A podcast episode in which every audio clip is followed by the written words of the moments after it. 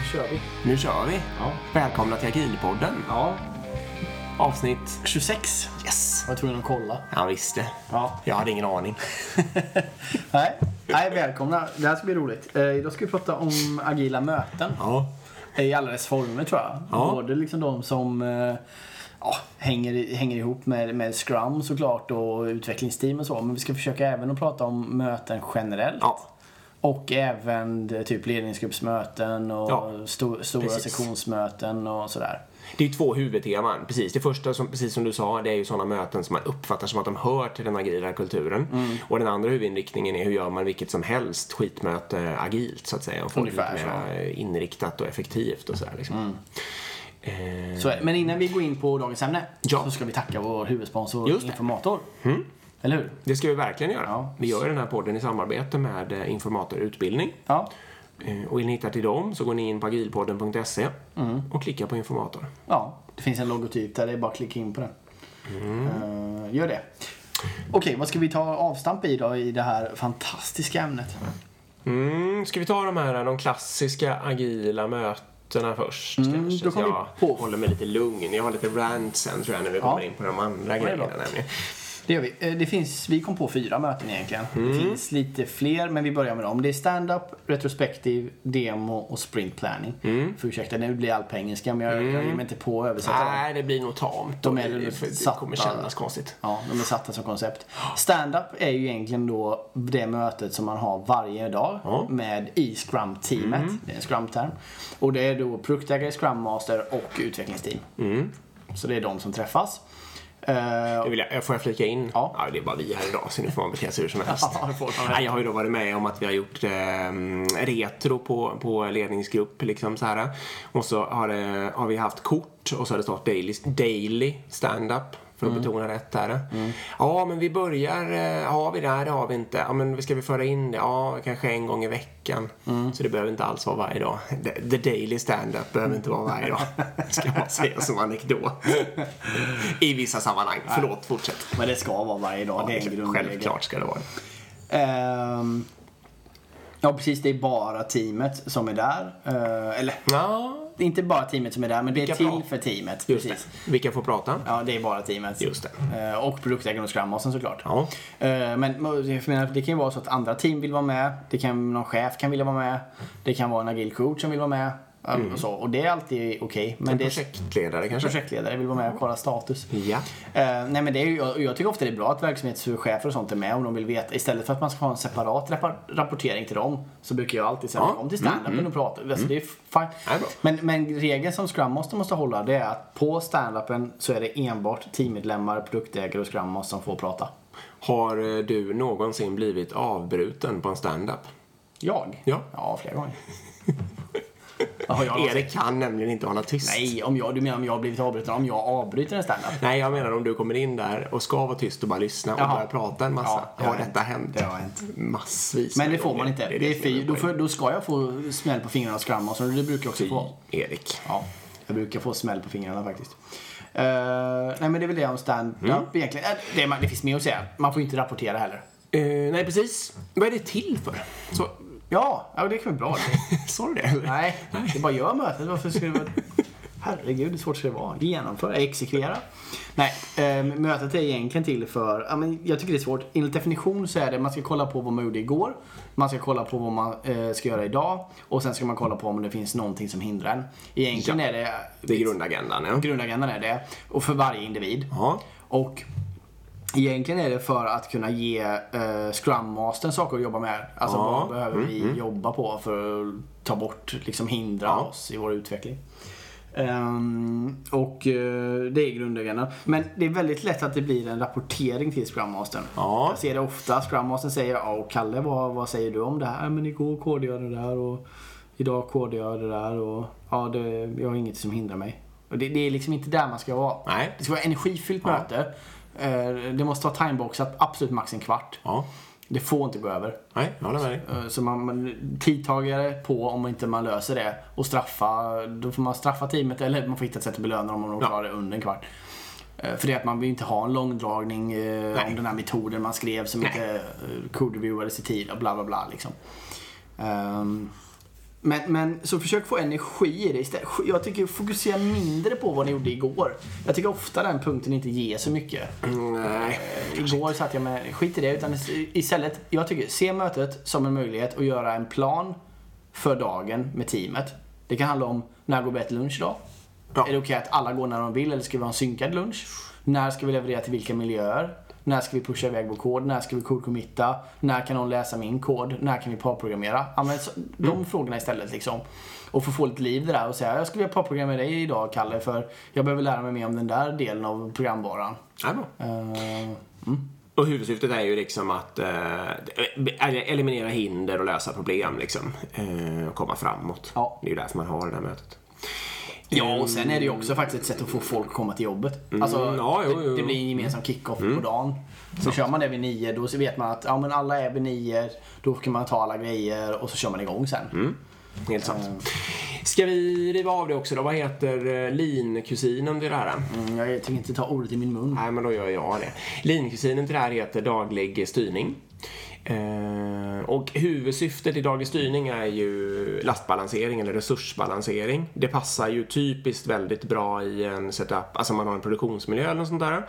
Eh, och ska göra liksom repeterbara moment varje dag och man märker att någon station eller någon del av organisationen har kommit efter. Då kan man tjäna enormt mycket, alltså som man har en flaskhals på ett ställe. Ja. Då kan man tjäna väldigt, väldigt mycket på att eh, flytta resurserna till flaskhalsen och läsa upp den liksom. Dra Mm. ner den någon annanstans.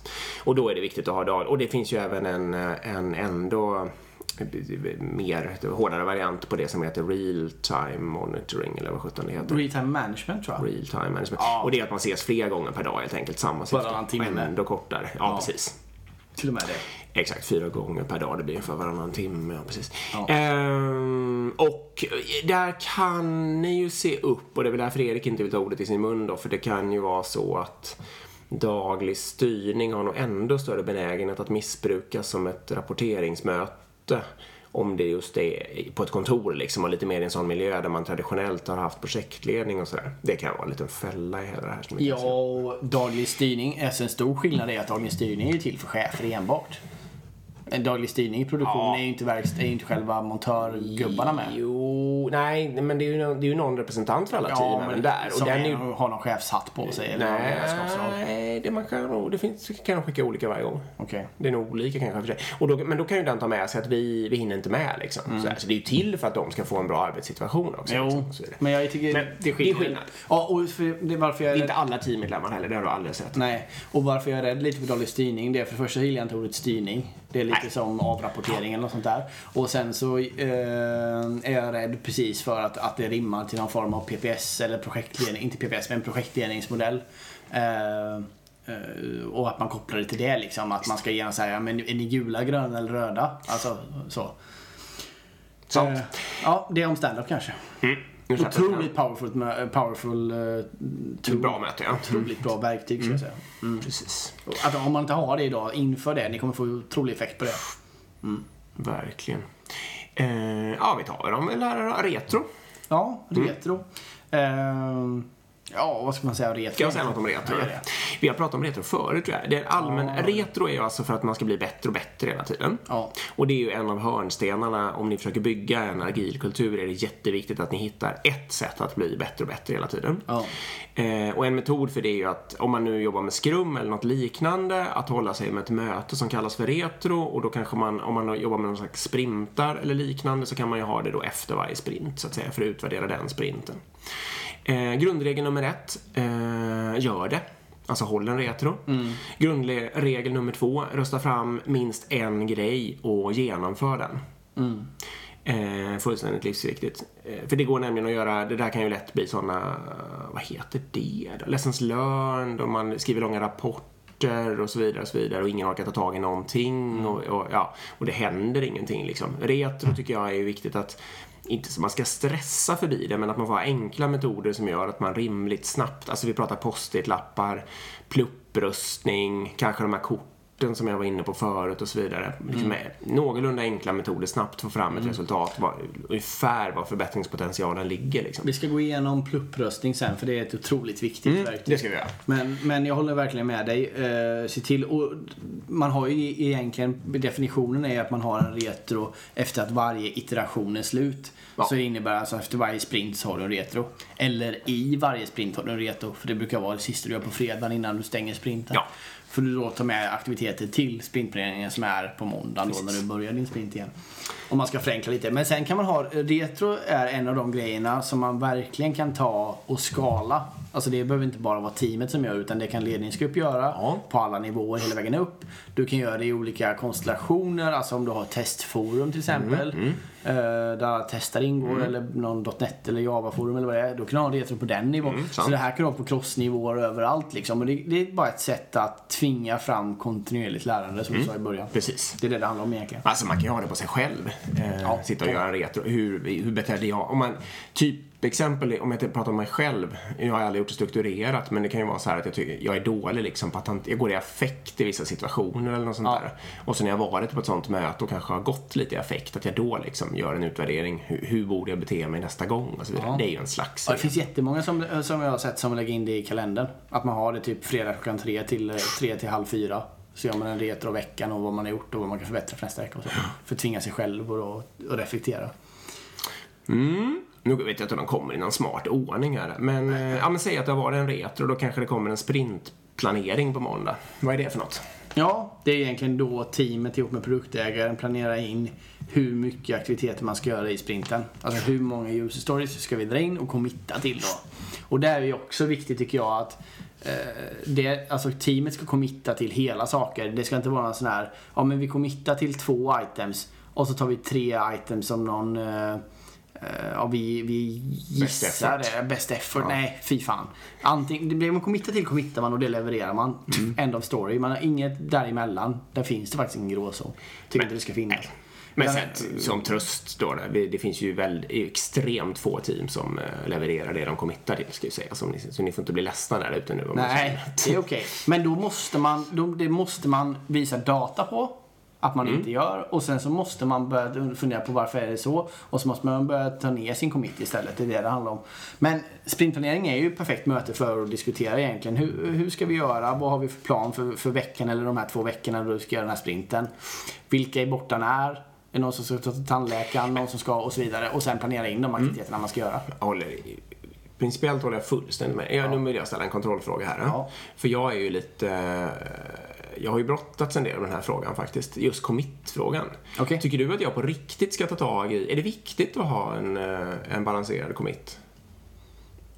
Det beror på hur stort förtroende man har hos verksamhet. Har man inget förtroende så ska du ha en väldigt stark commit. Om du har bra förtroende så är det mindre viktigt.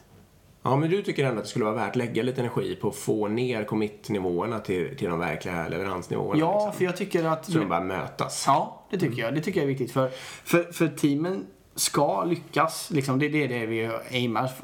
Liksom, det, det ger massor med positiva mervärden. Om de lyckas så kommer de känna att oj vilken bra sprint, har vi stängt den. Eller Ah, okej. att vi ska. Om de hela tiden övercommittar så levererar de alltid hälften. Då kommer de hela tiden gå och tänka fan vad dåliga vi är, vi hinner inte, vi ska och varför, du vet. Eh, så om, om inte teamen själva hittar och börjar göra det, då är det dags att börja visa data och lägga fokus på det. Nej, Ja, men okej. Jag kanske ska...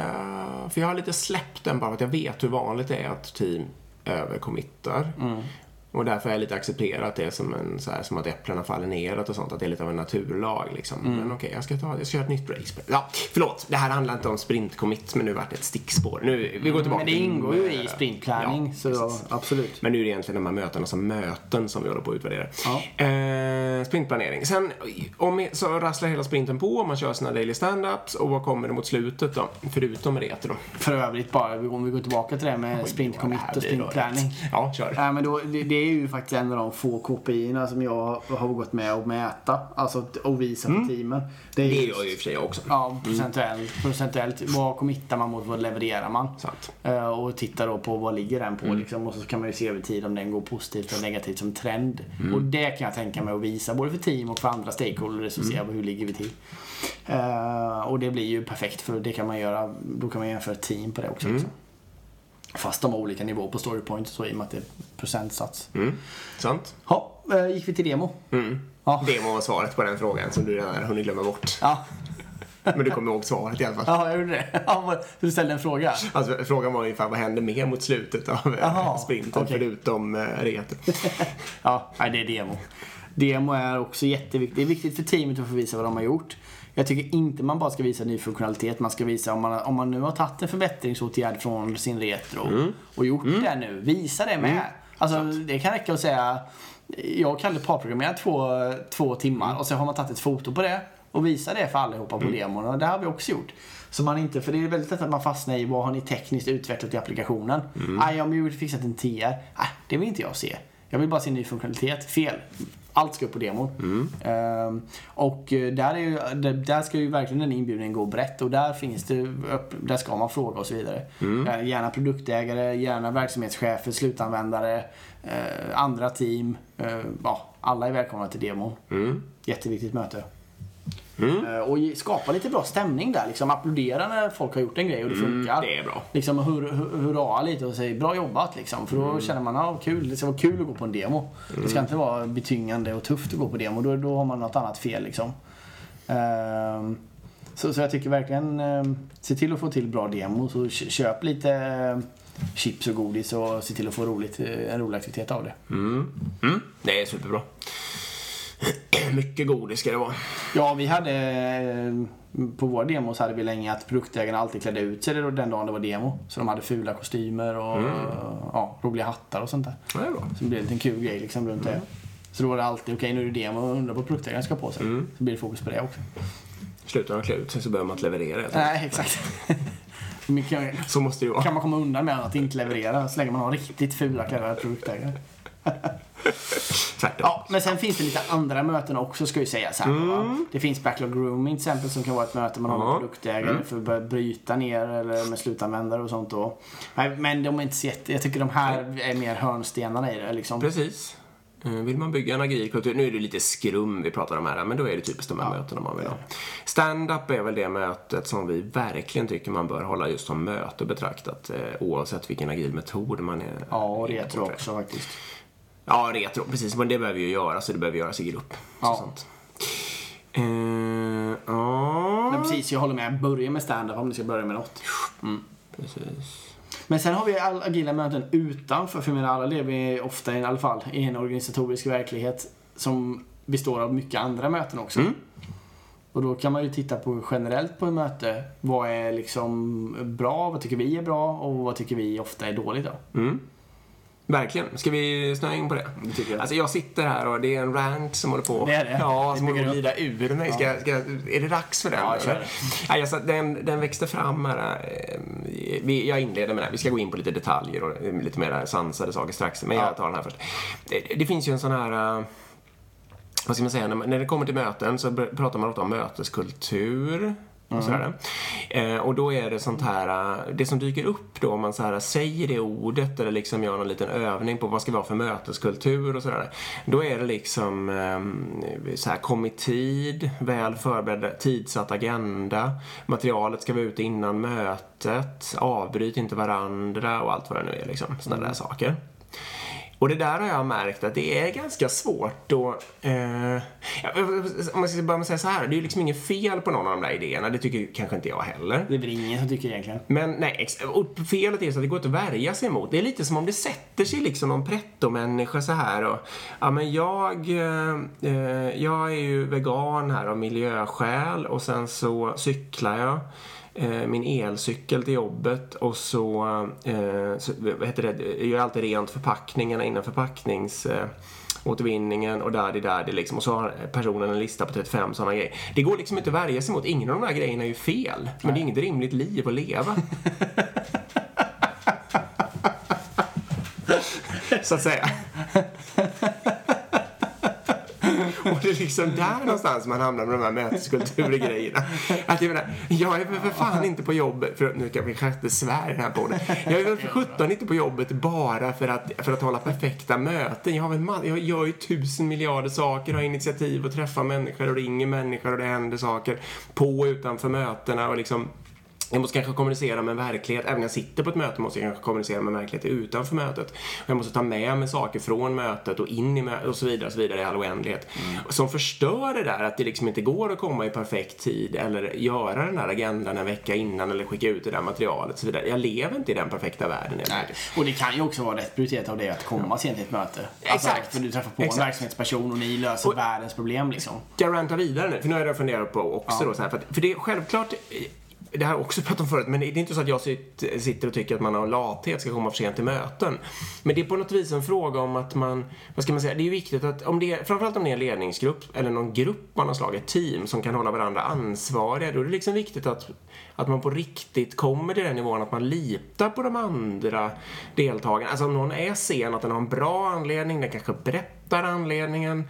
Eh, om någon liksom är dåligt förberedd så vet man vad, vad det beror på och så vidare och så vidare. Att man liksom inte på ett otrevligt haha-sätt ska hålla varandra mm. ansvariga. Ha, nu är du sen igen. Ja. För det blir, vad fan bidrar det till? Nu är du inne på riktigt bra grejer. Ja, men utan då ska det ju liksom vara mer att, nej men jag kommer, jag kommer inte fixa det här liksom, utan jag, jag kommer behöva komma efter halva mötet eller liksom, mm. jag måste, nu händer en grej här liksom, jag måste skriva ett sms och så vidare liksom. Mm. Att det blir mer, att de andra då respekterar det eller att man, ja men okej, vi tar fem minuters rast här. Mm så får ni fixa era praktiska grejer så går vi in med fokus igen. Den här frågan måste alla vara med på. Att man får liksom få med den kulturen och positivt mm. ansvarskrävande av varandra. Mm. Men när man också stöttar varandra. Mm, jobba som team och så vidare. Ja, ja för så jävla less på den där, det där, haha, ni står här i min möteskultur, taliban, bok. Samling, ja. bok.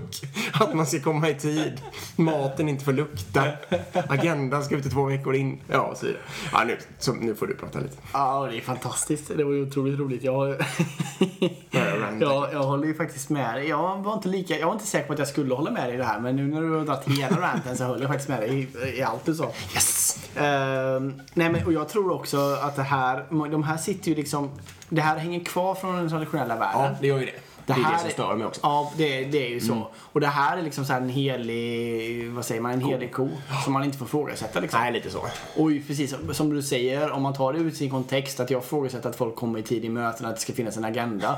Det låter ju liksom som att jag är dum i huvudet. Ja, då är ju körd liksom. Ja, då är helt körd, ja. precis. Så det är liksom en helig ko man inte ens får fråga, kan Nej. frågasätta. Det går inte att komma åt. Det enda sättet att komma åt den, det är egentligen det som du gjorde nu, ta helhetsgreppet på den. Ja. Men, men det har man ju sällan liksom möjlighet att göra. Nej, man behöver ha en podd då. Ja, man behöver, får man skaffa sig en, får man skaffa sig en podd? Får man sätta sig sent en kväll, dricka vitt te och ranta? Det är så man får göra. Det är den chansen Det är den enda lösningen på problemet. Ja, men det, jag tycker det var något av det bästa du sagt på länge faktiskt. Just hela den här mötesranten. Ja, bra. Uh, nej, så jag menar, ta, orka ta i dem där. För jag, jag mm. tror att ska man göra underverk så måste man eh, gå lite kontroversiella vägar kanske. Mm. Så orka ta de där fighterna mm. ibland liksom och testa och ta. Eh, sen finns det ju olika personlighetstyper. Vissa vill ju verkligen ha en agenda. Mm. Man vill ha en mötesanteckning och sitta och gotta sig och sådär. Och, och, då kan man ju försöka hitta en kompromiss där då som gör att okej, okay, men, men, vi, gör någon, vi, gör någon, vi tar en bild på, på whiteboarden mm. och så lägger vi den i mapp varje gång liksom. Så finns det någon mm. dokumentation liksom och sådär. Uh, så det, jag menar, man inte, det är inte så, man kan ju anpassa så det passar alla. Mm, liksom. Absolut.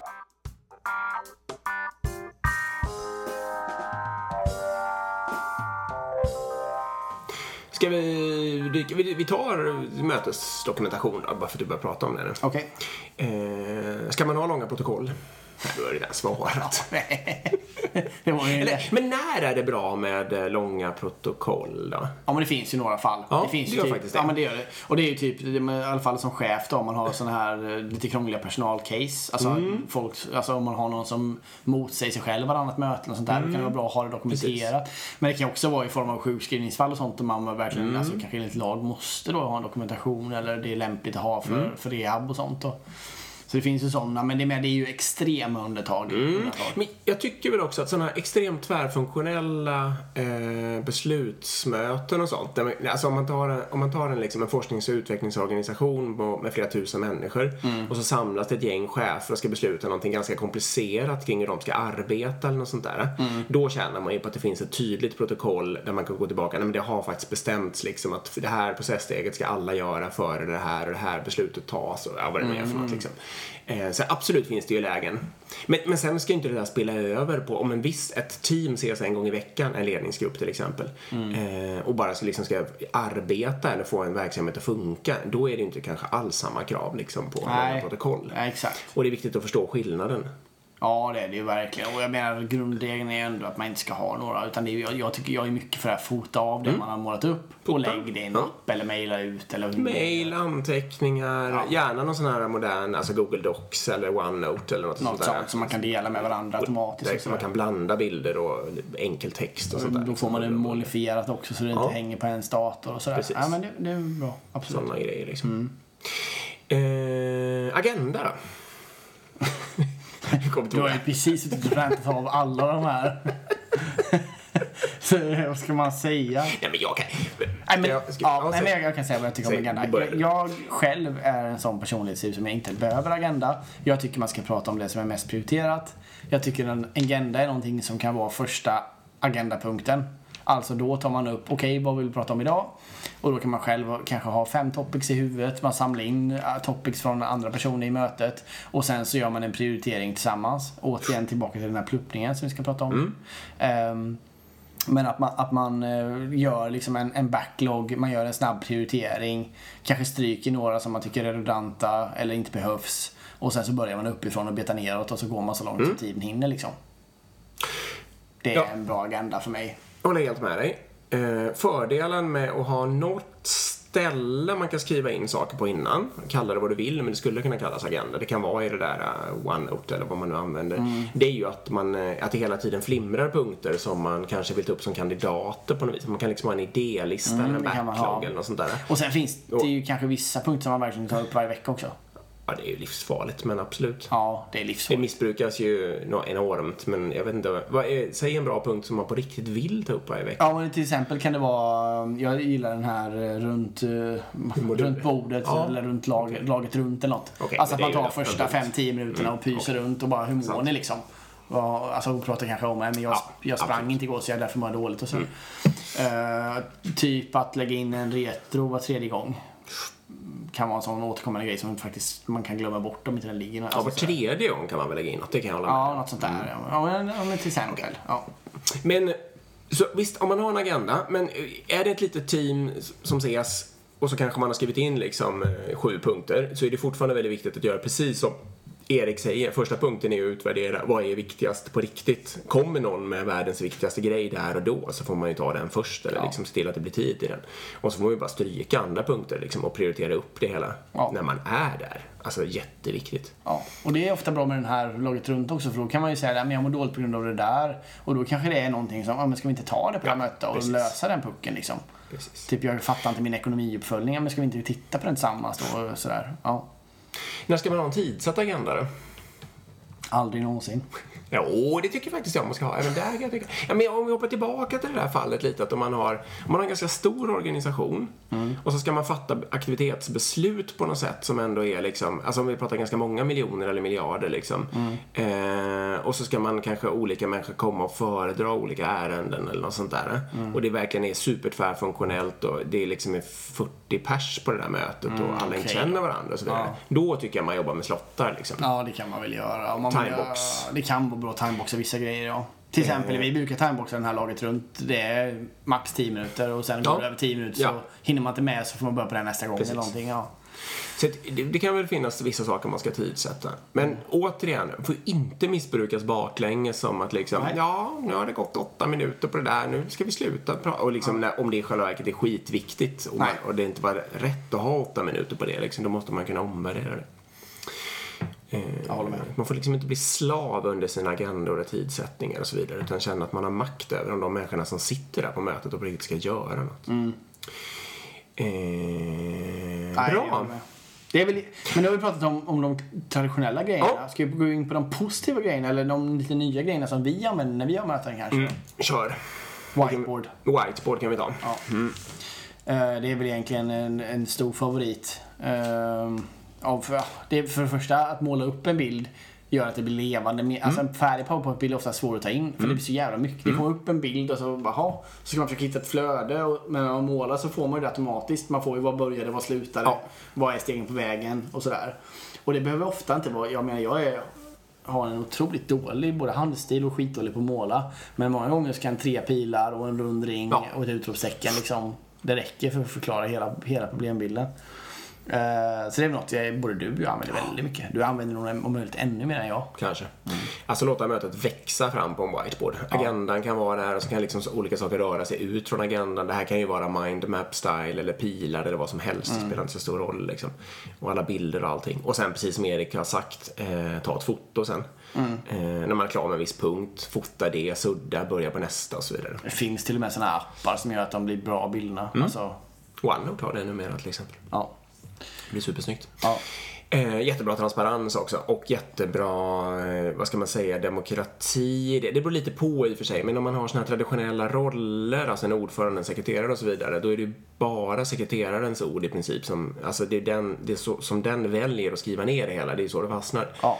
Men om man har en bra teamkultur, en whiteboard, kan ju alla ta pennor och gå fram och skriva och ändra och sudda och sånt där liksom.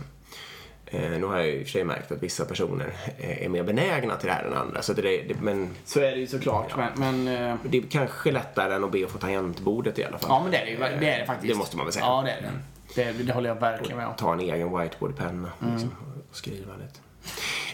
Men sen är det ju det här med prioritering.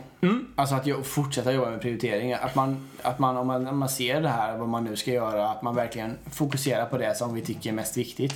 Och vad vet vi? Det, det, det, nu kommer vi tillbaka till den här plupplingsgrejen då. Kör pluppningen nu. Ja, nu kör vi pluppningen. Pluppningen är egentligen att alla personer får en whiteboardpenna i handen. Alla har x antal, säg fem pluppar. Och sen så skriver man upp en lista, säg tio olika saker. Grejer. Ja, kan vara vad som helst. Och sen så får man då sätta sina pluppar där man vill. Man kan sätta, om man tycker ettan är viktigast, så kan man sätta alla fem där. Eller tycker man liksom att nej men jag vill ge fem olika saker en plupp. Eller man får välja själv. Allt och allt däremellan kan man väl säga för att förenkla. Så man kan ge något tre och något två och en och sådär. Ehm, och sen helt enkelt när man har gjort det så bara räknar man vilket om alla har gjort det i hela rummet då så kan man bara, okej vilken, eh, vilket ämne fick mest pluppar? Och då är det det man börjar med. Ja. Så det är ett enkelt sätt att få det som alla i rummet tycker är viktigast. Ja. Liksom. Och sen så tar man den med näst mest pluppar och så har man generat så. Otroligt bra verktyg. Mm. Och går att göra också i stora, allt från att man liksom är två, tre personer till att man är riktigt många. Ja, det kan vara 100 pers göra det här. Det går fort För det går ändå, jättefort. liksom. Du gör bara en kö fram och så går Mm. alla pluppar. Det går jättesnabbt. Jag körde ju det nu på en workshop här med, var vi kanske 20-30 pers eller något sånt där och skulle Mm. hitta på förbättringsåtgärder på, till ett kontor. Ett aktivitetsbaserat kontor. Just det. Eh, och det, det är ändå en ganska svår fråga. Vi var ändå tvungna, vi, alltså vi hade en timme, jobbade i små grupper och gjorde listor och grejer liksom. Men sen på slutet så sammanställde, de hamnade liksom i kategorier. Där var jag väl en väldig domare liksom och bestämde vad som var samma idé som vad Ja. Mm. och sådär. Men ändå så fick vi liksom upp dem på whiteboarden i en hörsal och sen gick alla fram och röstade. Det var jättetydligt, det var ju totalt entydigt vilken som var det viktigaste grejen att ta tag i liksom. Och det även hade du inte och vetat annars. Nej. Nej. Du hade kunnat ha en aning och gissa Ja. lite och sådär. Men, nej, men det blir helt uppenbart. Och, röstningen, fem minuter kanske? Fyra minuter? Ja, någonting sånt. återigen, där, för dokumentationens skull, om vi ska gå in på det, då är det en bild på det. Mm. Och sen kan man nästa möte då redovisa, där kommer du ihåg, det var det här vi bestämde som viktigaste aktiviteten och det här är de åtgärderna vi tillsammans gjort nu eller något sånt där. Liksom. Så kan man lätt knyta tillbaka till det. Och får jag säga ens, har jag sagt den i podden eller? Det här, igen. där vill jag ju veta också, eh, eh, vad ska man säga? I diskussion om det här med aktivitetsbaserat kontor så har det varit väldigt mycket negativa åsikter som har kommit fram. Så jag ville helt enkelt ta reda på om människor var negativa eller inte på riktigt eller om det bara var så att man hörde de negativa. Ja. Så jag bad helt enkelt hela organisationen att ställa sig i rummet från positiv vägg till negativ vägg. Liksom. Mm. Man skulle luta sig mot vägg, den positiva om man var extremt positiv och vice versa. Nej, och det vart en utspridd eh, rad av människor. Liksom. Det stod en liten klunga ner mot negativ, men ganska jämnt utsmetat. Och man såg ju också att det var ju ändå to- tonvikt åt positiv hållet. Liksom. Och otroligt visuellt. Den bilden har jag använt i alla möjliga sammanhang. Jag tog kort på det då förstås bara och visade liksom och sådär. Nej, det, är inte, det finns människor som är positiva och negativa och så här ser det ut liksom. Ja, och det är en gråskala. Och så Ja, det är en gråskala. Exakt. Och det är väl så att de här gråskalorna som står mellan typ värdepunkt 2 till 8 då, de säger kanske inte så mycket heller. De Nej, är så här, nej det är okej, men det finns, ja. Och de positiva, de jobbar ju kanske bara på. liksom. bara krigar på, ja. Inte. Och tänk, det, man kan använda, det var bara ett exempel, men just att stå i rum och bestämma att ett hörn eller en vägg är någonting. Ett Mm. otroligt bra sätt att snabbt visuellt liksom, på ett möte med, få folk att ta ställning till olika saker eller visa var de andra står och sådana där Det är saker. en annan typ av plupplingsgrej då. Men Mm, ja, man det är ju jättebra att prioritera också. Sätta upp i varsitt hörn och så får folk gå dit man vill prata och så. Mm. Det, det, det kommer vi in lite på när vi kommer prata med Oj, större möten också. Har vi tid med det här? Eller Ja. jag, jag tar det. Jag, ni fattar snabbt, va? jag berättar snabbt här. Jag hade en annan gång jag skulle tillsätta arbetsgrupper. Då fick alla rita, och då tänkte jag man kan vara med i max två arbetsgrupper. Och så, så satte jag upp lapp, eller liksom blädderblocksblad i rummet på, för alla arbetsgrupper. Liksom. Det kanske var sex sju stycken eller sånt där. Det kanske var 20 personer som skulle fördela ut oss. Och så fick alla gå dit de ville som personer, men de fick också rita en avatar som de fick sätta upp på en annan arbetsgrupp så de kunde vara med i två då liksom. Mm. Och då där de stod som människor, där var deras primära arbetsgrupp på något sätt och så där de satte upp sin avatar, där var den sekundära. Det tog kanske också så här lite längre tid inklusive rita och tänka men 10 minuter för att få de här äh, 30 personerna liksom och, och hamna i de här sju arbetsgrupperna eller vad det nu var. Självorganiserade. Ja, självorganiserande och, och eh, visuellt, alla ser. Och då kunde man ju direkt se att det blev någorlunda lastbalanserat och liksom, jag vill jobba med den och liksom, allting blev ju väldigt visuellt. Men det är det som är så fint med, självbala, eller med självorganisering att, jag menar, om alla går till samma tavla, låt säga. Mm. Då hade det bara, för dig som facilitator, hade du väntat fem minuter så hade de ju insett, oj, alla Ja, står vid samma tavla. det var ju så. Ska vi inte fördela oss lite? Jag behövde ju inte vänta i fem minuter. Nej. Det var ju precis så att De såg- automatiskt. Och där var det ingen, där var det bara två och så gick ju folk dit. Exakt. Mm, det är det som så- är det vackra. För det är det folk tror jag som fördom också, att tänka att nej men det där kommer aldrig gå för tänk om alla går till samma. Ja.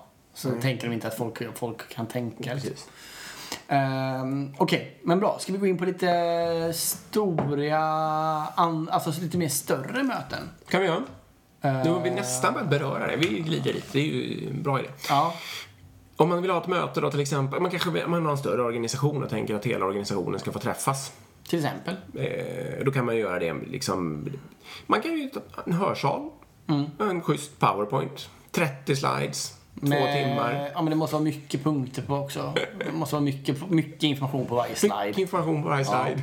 Helt monotom röst. Så kör man. Sen bara kör man. Det är en möjlighet. Ingen rast, bara beta på liksom. det ska, inte en bild ska det vara. Det ska vara bara bullet list efter bullet list efter bullet list. Ja, nej. Eh, skämt åsido, det är väl sällan en bra metod. Eh, som du sa, det kan finnas en, en ja, man kan ju göra då, eh, som vi pratade om i förra avsnittet med Henrik Nyberg, att kalla det experiment just. Man kan ju göra ett experiment och säga då att men vi förbjuder PowerPoint på det här företaget i en månad liksom. Bara för att se vad som växer fram för kreativa idéer. Det kan vara en kul grej. Ehm, men annars så finns det ju, jag menar om vi går till de här riktigt stora, typ Agila Sverige då som är en stor konferens, 200-300 pers liksom.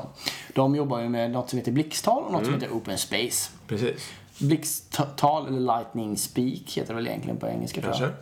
Eh, handlar ju om att man eh, timeboxar, stenhårt timeboxar till 5 eller 10 minuter sånt där. 10 Eller och 12 och sånt brukar vara vanliga längder. Det får man ju känna. sig. Ehm, där, man får, där då talaren pratar på och sen så finns det inga tid för frågor eller någonting utan det är bara det. Och sen så om talaren inte är klar vid tidpunkten spelar ingen roll. Nej. Det rings en klocka och så är det är det slut liksom.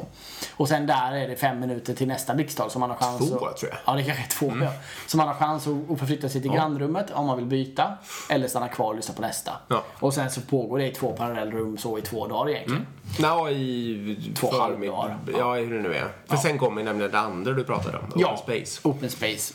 Och Open Space är egentligen att man timeslottar ut, eh, man tar två konferensrum, ett och två. Och så timeslottar man typ då, säg en halvtimme i varje. Så det blir liksom, ja, runda nummer ett. Så att säga. Kommer ske i nummer ett och två och så går det Eller rum parallellt. A och B om det ska bli lite. Precis. Men, Ja, rum A och B, ja precis. Och sen då så, då det, blir liksom massor med timeslottar och sen så får helt enkelt folk, eh, alltså de som är med på mötet, eh, komma på ämnen att prata om. Alltså jag skulle vilja prata om eh, vår möteskultur till exempel. Ja, då skriver jag en lapp. Då sätter jag den rum B timeslot 2 och så går alla dit som vill prata om det. Och så hela tiden då, så när man har kört första timeslotten på 30 minuter, då finns det två rum, två alternativ att gå till. Och sen efter det samlas allt tillbaka och då kan man ändra lite också om man vill. Eh, alltså vad de andra ska handla om, lite baserat på utkomst. Eller så kör man på det, de alternativen som står. Och sen så har man möjlighet att gå mellan de här open spacen hela tiden. Och det är också en, en grundregel i open space. Vet du vad det är? Nej. Nej. Jo, uh, rule of two feet, är det den du ska säga? Ja, exakt. Mm. Om man inte känner att man kan bidra eller har något och, och, eller liksom är intresserad så är det ens eget ansvar att använda sina fötter och gå någon annanstans. Exakt. Och det uppfattas inte som otrevligt heller i det här konceptet. För det konceptet är liksom att, okej, jag ville komma hit för att lyssna på det här. Jag har fått den inputen, eller det tog en annan väg än vad jag vill. Istället för att störa alla, går jag till nästa. Så då går man. Och för att sammanfatta det här på en principnivå så är ju alltså, vad heter det nu då, formen är ju alltså väldigt fix. Så att som arrangör så fixar man formen. Man gör ju den här matrisen med timeslottarna, lokalerna och hela rasket. Men innehållet är helt enkelt alla deltagares eh, ansvar. Så att som arrangör så står man inte alls för innehållet liksom. Det är det som är poängen med det här. precis. Eh, sen är det klart att ganska ofta, om vi pratar Agila Sverige igen, då är det de där som har hållit blixttalen har ju ofta, alltså sl- slänger ofta upp en lapp på sitt ämne. Så det, då kan man ju gå dit och diskutera och ställa frågor och sånt sådär på blixttalet liksom. Precis. Eller vilken deltagare som helst kan be om det för övrigt. Ja, exakt.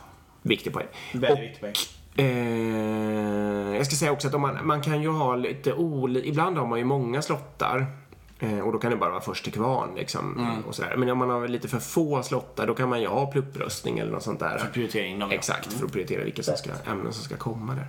Mm. Och även den här organisationen Lean Tribe som ses över hela Sverige med jämna, kanske varannan, var tredje månad. Mm. Kör ju precis det här konceptet. Blixttal och eh, open space. Man kan väl säga att det är en väldigt vanlig agil setup på stora möten. Eller lean. Eh, ett annat alternativ som jag har kört någon gång, det är ju eller ja, en annan twist på det här. Det är om man har riktigt stora möten som i hundratals människor. Ja, det kan det ju vara i de här också förstås. Det är det. Men det är att man kör en mässa av något slag. Ehm, så att man kanske har alltså fasta, mer eller mindre fasta utställningar. Man kan- Men det här går att göra på tusen miljoner olika sätt. Men om man har en, en stor lokal så kan man helt enkelt sprida ut sig i en massa olika rum och så ha en karta så folk kan hitta dit de vill. Ehm, så kan de helt, och så får man ju någon bemanna de där stationerna. Ehm, och, så, och så kan liksom folk gå- och själva söka sin information. Då, liksom. Mm, det. Och det kan göras med tidslotter eller helt fritt. Liksom. Med tidslotter är fördelen att man kan stå och inleda ett tal då, liksom, vid, vid tidslottens början. Eh, och helt fritt är ju fördelen med liksom, att man på riktigt kan, ja det blir väldigt dynamiskt, man kan ha diskussioner, söka sig, det börjar, slutar och så vidare. Kan vara väldigt, väldigt bra om man, som sagt, om man, om man vill informationsdela i, i väldigt stora organisationer till exempel. Vad gör alla andra? Då en sån mässa kan vara kraftfull. Mm, ja, men verkligen. Ja, verkligen. Vad gör det här teamet? Liksom, Ja, Så står det ett team där så kan man gå runt och Vilket, det har vi inte gjort. Det borde vi göra. Mm, ja, jag har gjort det, men... eh, Ja, men vi borde göra om det. På våra Ja. jobb. Alltså. Det har varit jättekul ju. Hur gör ni i stand-up? Hur gör ni retro? Vad jobbar ni med? Vad skapar ni för affärsvärde? Det ska jag säga också att ibland uppfattar man ju, om man är chef kanske, eller något sånt där, så uppfattar man ett väldigt stort ansvar att fylla med både, både form och innehåll. Nu har vi redan kommenterat det, att ett sätt att komma undan innehåll är ju då att lita på deltagarna i och göra en open space. Bara göra former, ja. Mm. Eh, man kan ju också liksom jobba med planeringskommittéer där man tar, alltså där folk får anmäla sig eller där det liksom är människor som är potentiella deltagare som liksom får vara med. Ja men visst, försök att göra det här själv då liksom, eller försök att planera upp det så att det blir det innehållet du vill ha. Eh, och inte liksom toppstyra det så himla mycket. Det kan ju vara väldigt kraftfullt. Det har jag gjort också när jag har haft sådana där mässor just. Jo, men det, det är liksom om man har... Eh, om man kör typ ett program eller man, man kör någonting, låt de föregående deltagare eller om man kör ett möte som åt, stormöte som återkommer någonting, låt de som är deltagare med på det här mötet bestämma hur det ska vara. Det är så dumt att någon annan ska sitta som... Liksom, det är ju Verkligen. helt... Det är inte logiskt. Utan låt de som ska vara med i mötet bestämma mötesformen och agendan och vad som både ska innehålla.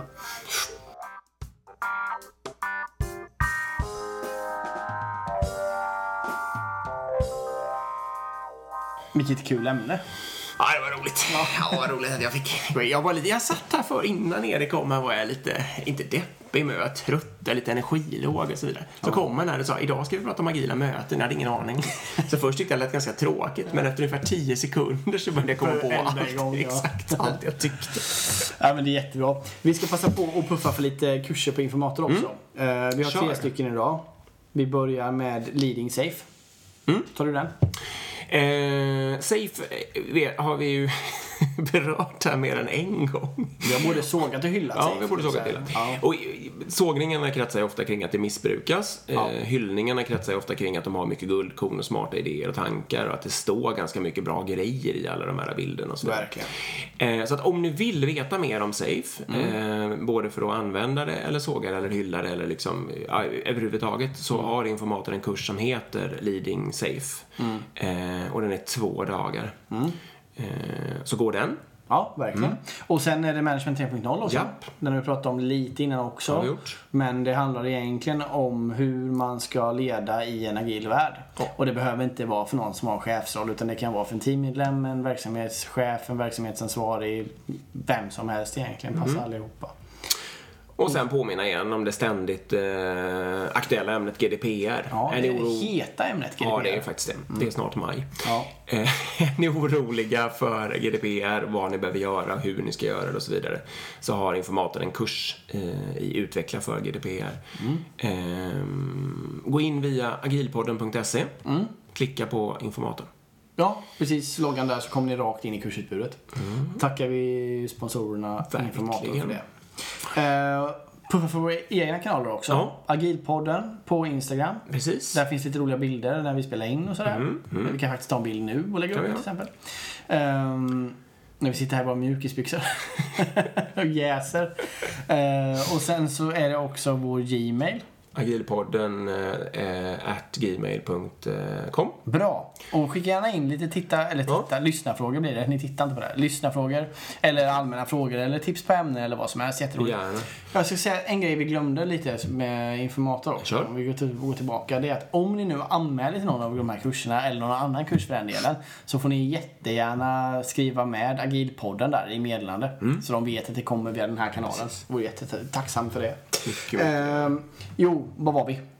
Ja, vi började bli klara. Agilpodden gmail.com. Precis, att man skickar in grejer där. Mm. Eh, och sen titta in på agilpunkt.se om man vill. Då.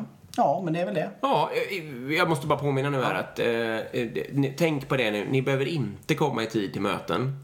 Nej. om ni har ett moget team eh, och håller varandra ansvariga och jobbar för teamets bästa. Och det är bara att hänvisa till att det har Dick sagt. Ja, i agilpodden. Exakt. Avsnitt 26. Tack för idag. Tack. Tack Hej. att ni lyssnar. Hej.